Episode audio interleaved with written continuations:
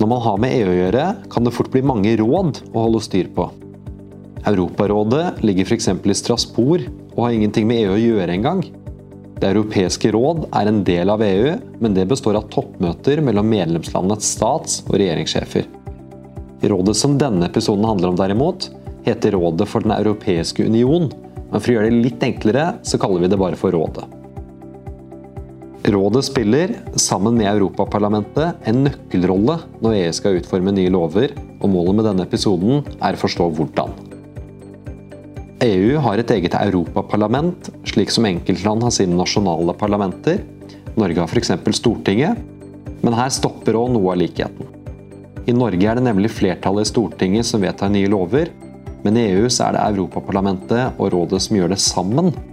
Når EUs befolkning stemmer på sine kandidater til Europaparlamentet, gjør de det som en felles gruppe europeere.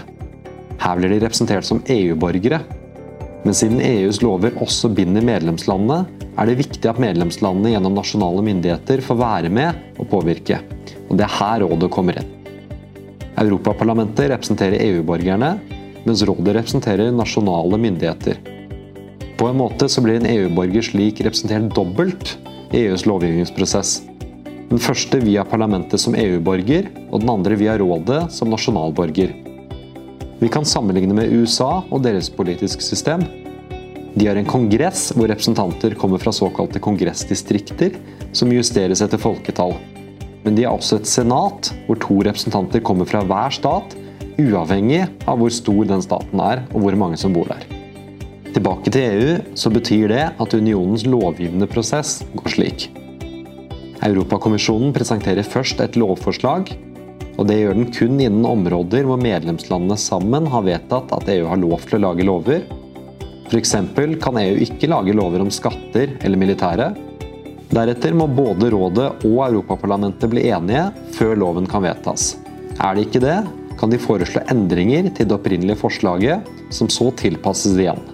Og om de ikke blir enige etter det, så vedtas ikke loven. Det finnes dog noen unntak, slik som i EUs utenriks- og sikkerhetspolitikk. Her treffer nemlig rådet beslutninger alene. Når rådet samler seg, så skjer det i forskjellige grupper, avhengig av hvilken tematikk de skal diskutere. Totalt finnes det ti slike grupper, eller konstellasjoner. Om lovforslaget omhandler finans, vil f.eks. EUs finansministre møtes i rådet. Mens omhandler det utenrikspolitikk, vil utenriksministrene samle seg. I tillegg til møter på ministernivå er det under rådet etablert ulike komiteer og arbeidsgrupper, hvor representanter fra medlemslandene forbereder og diskuterer saker, slik at detaljene er avklarte innen ministrene samles. Hvem som har ansvaret for arbeidet i rådet, går på omgang. Hvert halvår så er det et nytt medlemsland som får i oppgave å ha formannskapet i rådet, og dermed ha ansvar for å lede og organisere møtene. Å være et formannskapsland er en viktig nøkkelrolle, hvor du ikke bare er ansvarlig for møtene, men nå har ekstra mulighet til å sette dine ønskede saker lenger fram på dagsordenen. Når rådet samles, så skjer det uformelle og formelle møter.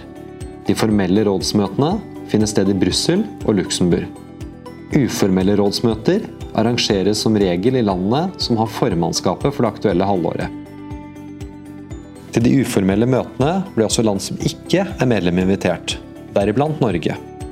Når Norge blir invitert, skjer det i hovedsak innenfor de områder som kan knyttes til Norges avtale med EU, som EØS-avtalen eller Schengen-samarbeidet.